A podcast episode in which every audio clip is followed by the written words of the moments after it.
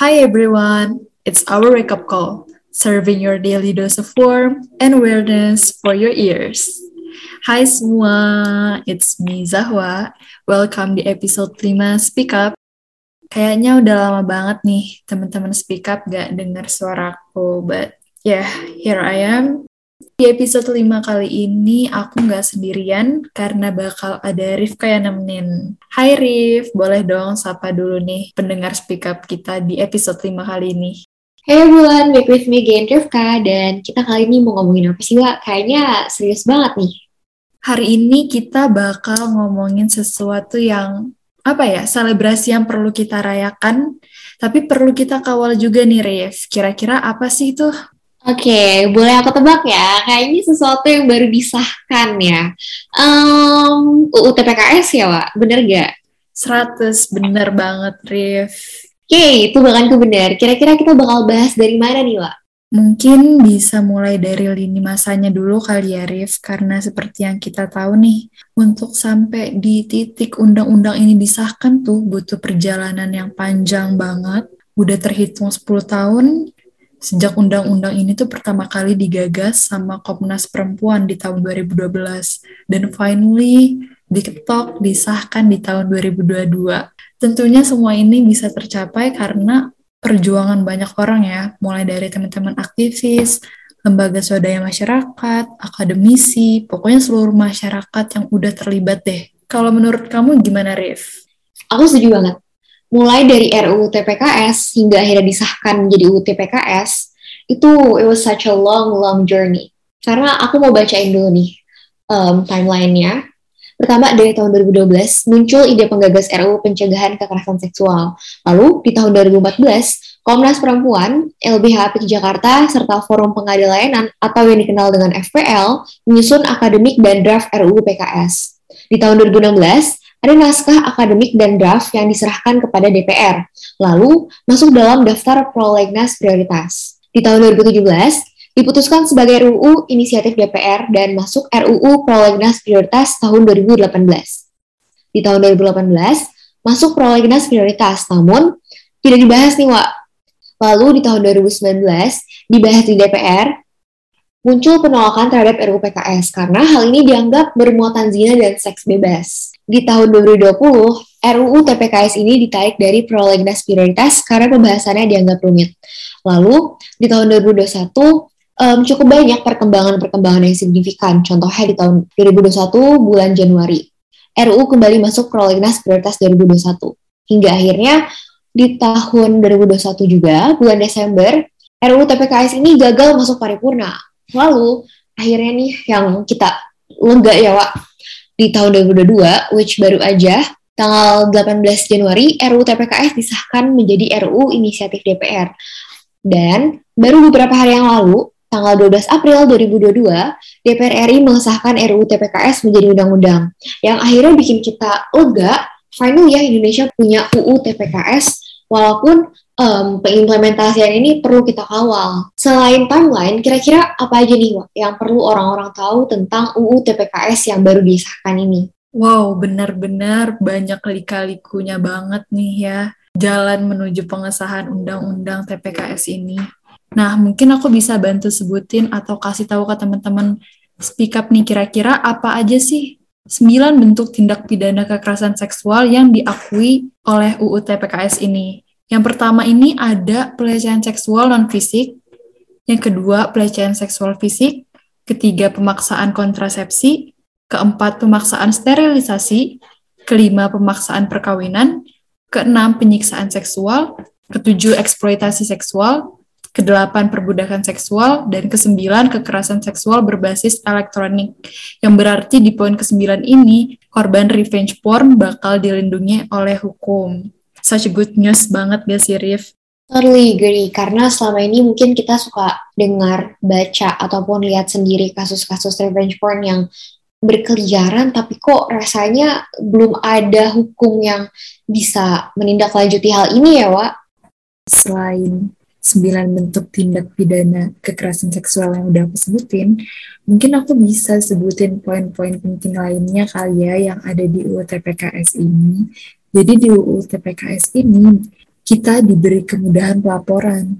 Jadi kalau ada korban atau siapa pun yang mengetahui atau melihat tindak kekerasan seksual, bisa langsung melaporkan ke lembaga penyedia layanan berbasis masyarakat, contohnya kepolisian. Selain itu, UU TPKS ini juga memberi hak perlindungan hingga pemulihan korban. Benar banget, jadi di UU TPKS ini, korban kekerasan seksual memiliki tiga hak, yaitu hak penanganan, hak atas perlindungan, dan hak atas pemulihan. Nah, selanjutnya poin penting yang ada di UU TPKS ini adalah dana restitusi bagi korban. Mungkin teman-teman ada yang masih belum pernah dengar kali ya tentang apa sih itu restitusi. Jadi restitusi itu bisa disebut juga sebagai ganti kerugian yang didapat korban. Dana restitusi ini diberikan atas putusan hakim yang menetapkan pelaku bersalah. Nantinya ini penyidik bisa melakukan penyitaan terhadap harta kekayaan pelaku kekerasan seksual atas izin pengadilan negeri setempat. Nah, itu dia beberapa poin yang bisa aku sebutin dari UU TPKS ini, Rif.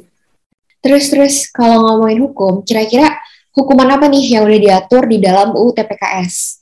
Nah, ada beberapa macam hukuman yang bisa diterima sama pelaku. Yang pertama, ini pelaku bisa dipidana maksimal 9 tahun bisa didenda maksimal 200 juta, pencabutan hak asuh anak atau pengampunan, pengumuman identitas pelaku, perampasan keuntungan dari tindak pidana, pembayaran restitusi yang jumlahnya diatur oleh majelis hakim. Nah, itu dia Rif, hukuman-hukuman yang kira-kira bisa diterima sama pelaku. Dan sebenarnya ya Rif, hukuman-hukuman tersebut gak hanya bisa jadi pelindung bagi perempuan aja nih, tapi juga untuk seluruh masyarakat tanpa terkecuali, tanpa memandang gender, kelas, etnik, dan ras. Karena law should be equal for everyone, right? Yes, karena emang dari awal, dari mulai masih rancangan ya, dari mulai masih RUU TPKS, hingga akhirnya disahkan menjadi UU TPKS, hal ini tuh bukan hanya untuk kepentingan perempuan, bukan hanya untuk melindungi perempuan, tapi juga untuk melindungi laki-laki. Karena pada dasarnya, perempuan dan laki-laki itu kan equal ya. Setara equal means equal. Nggak ada yang lebih rendah nggak ada yang lebih tinggi nggak ada yang lo tuh nggak lebih baik dari gue. Nggak kayak gitu. Tapi ya equal means equal. Dan UU ini tuh membantu uh, masyarakat dan juga pemerintah untuk melindungi perempuan dan laki-laki jadi ya sebenarnya memberikan ruang aman dan nyaman yang setara dan juga perlakuan dari segi hukum yang setara Wak karena kan susah ya Wak, kalau nggak ada yang ngatur, susah kalau nggak ada regulasi yang yang secara resmi berlaku gitu. Karena kan dengan adanya UU ini kan membantu kita untuk melindungi orang, it's either perempuan atau laki-laki untuk mendapatkan haknya. Karena susah ya Wak, kalau nggak ada regulasi yang berlaku, regulasi yang secara resmi berlaku untuk untuk membantu korban mendapatkan keadilan, mendapatkan rasa aman, mendapatkan rasa nyaman yang sepantasnya ya terima gitu. Coba deh bayangin korban dari kekerasan seksual, gimana dia bisa hidup tenang, bahkan dia gak mendapatkan apa yang dia pantas dapatkan.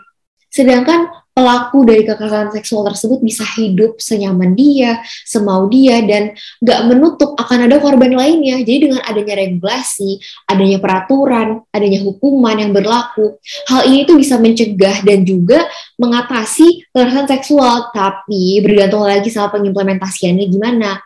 Nah hal ini yang dari tadi perlu aku tegaskan pengimplementasian dari UU TPKS ini sangat-sangat perlu dikawal oleh masyarakat dari berbagai lapisan. Tapi wah, aku tuh bingung deh. Sebenarnya dari RUU TPKS ke UU TPKS ini ada perbedaannya nggak sih? Setuju banget sama poin-poin yang udah Rifka barusan sampein. Aku bakal mention sedikit kali ya apa aja sih perbedaan dari RUU PKS ke RUU TPKS ini. Jadi perbedaannya ternyata cukup banyak banyak pasal yang dihapus dari yang sebelumnya ada 128 pasal lalu diperbaharui jadi 43 pasal yang berarti ada 85 pasal yang dihapus. Hal yang aku notice banget bedanya adalah hilangnya pasal perkosaan dan pemaksaan aborsi. Padahal ya, menurutku, dua hal ini justru termasuk permasalahan yang paling concerning gak sih? Terutama perkosaan. Karena berdasarkan berita yang aku baca, justru kasus perkosaan jadi tindak kekerasan seksual yang paling banyak terjadi. Ironis banget gak sih?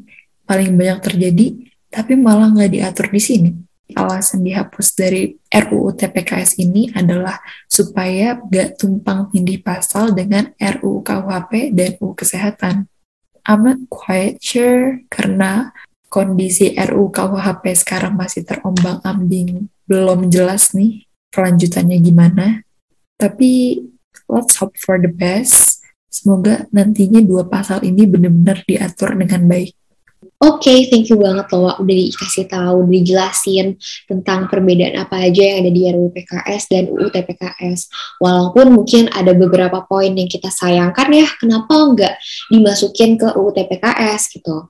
Tapi kalau misalnya mau melihat di sisi baiknya, hal ini berkaitan dengan um, perempuan, wa, women empowerment, di mana um, kita biasanya ngerayain ya Hari Kartini pada setiap tanggal 21 April. Mungkin kalau dulu kita ngerayainnya pakai baju adat atau pakai kebaya, pokoknya ngelakuin sesuatu hal yang berkaitan dengan um, kebudayaan gitu. Nah, cuma mungkin kalau sekarang ya, as we get older, mungkin kita lebih bisa memaknai Hari Kartini dan Women Empowerment gitu. Dan gimana sih kaitannya antara Women Empowerment dan juga um, disahkannya UU TPKS ini ya? Menurut aku sendiri ya, kalau dari point of view dan dari hal-hal yang aku pelajarin, dengan disahkannya UU TPKS ini semacam apa ya, berkaitan dengan kebebasan, berkaitan dengan sesuatu yang pantas perempuan rasakan, perempuan miliki, kayak misalnya um, gimana spirit dan values yang dibawa sama era Kartini ini berkaitan dengan empowerment dan dengan dilindunginya perempuan, dengan diberikannya perempuan hak-hak yang pantas mereka dapatkan, secara tidak langsung itu kita udah empowering perempuan, kita udah um, sudah mengusahakan yang terbaik gimana caranya perempuan itu bisa empowered, bisa berdaya gitu. Lalu um, dengan adanya RUU TPKS juga bisa menjadi apa ya semacam langkah awal gimana kita bisa merealisasikan nih berbagai macam bentuk pembebasan atau emansipasi bagi wanita. Karena kayak kita tahu ya, wanita ini kan ya ampun segala macam hal yang berkaitan dengan strata sosial, ekspektasi sosial, tuntutan sosial, stigma atau apa pun itu tuh banyak yang melekat ke um, kata perempuan gitu. Jadi gimana caranya kita bisa membebaskan perempuan dari segala macam bentuk kekerasan dalam bentuk apa pun itu. Bahkan ya tadi wow, bahkan yang tadi Zahwa udah jelasin sembilan bentuk tindak pidana kekerasan seksual yang diakui maupun yang mungkin gak diakuin tapi tindak kekerasan tersebut tuh nyata gitu.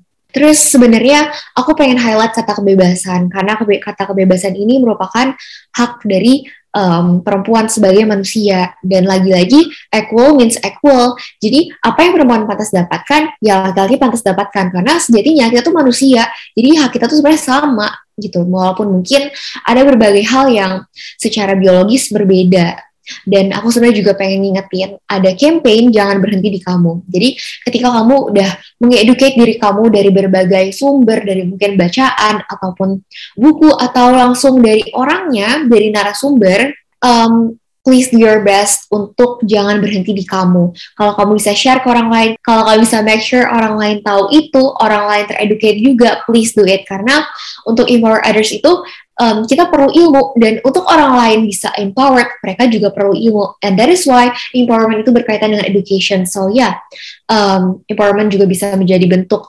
pengawalan dari implementasi U tersebut. That's all from Wak. Kira-kira dari kamu ada nggak yang mau kamu sampaikan? I couldn't agree more sih, Rif.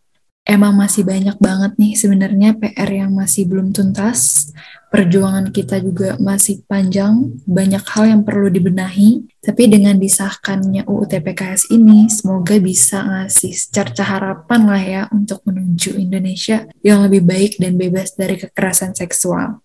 Well, I think that's it pembahasan tentang UU TPKS kita kali ini. Thank you so much for listening. Semoga kalian bisa dapat pengetahuan atau insight baru dari episode kali ini. See you on the next episode. Jangan lupa untuk garap harap. Bye!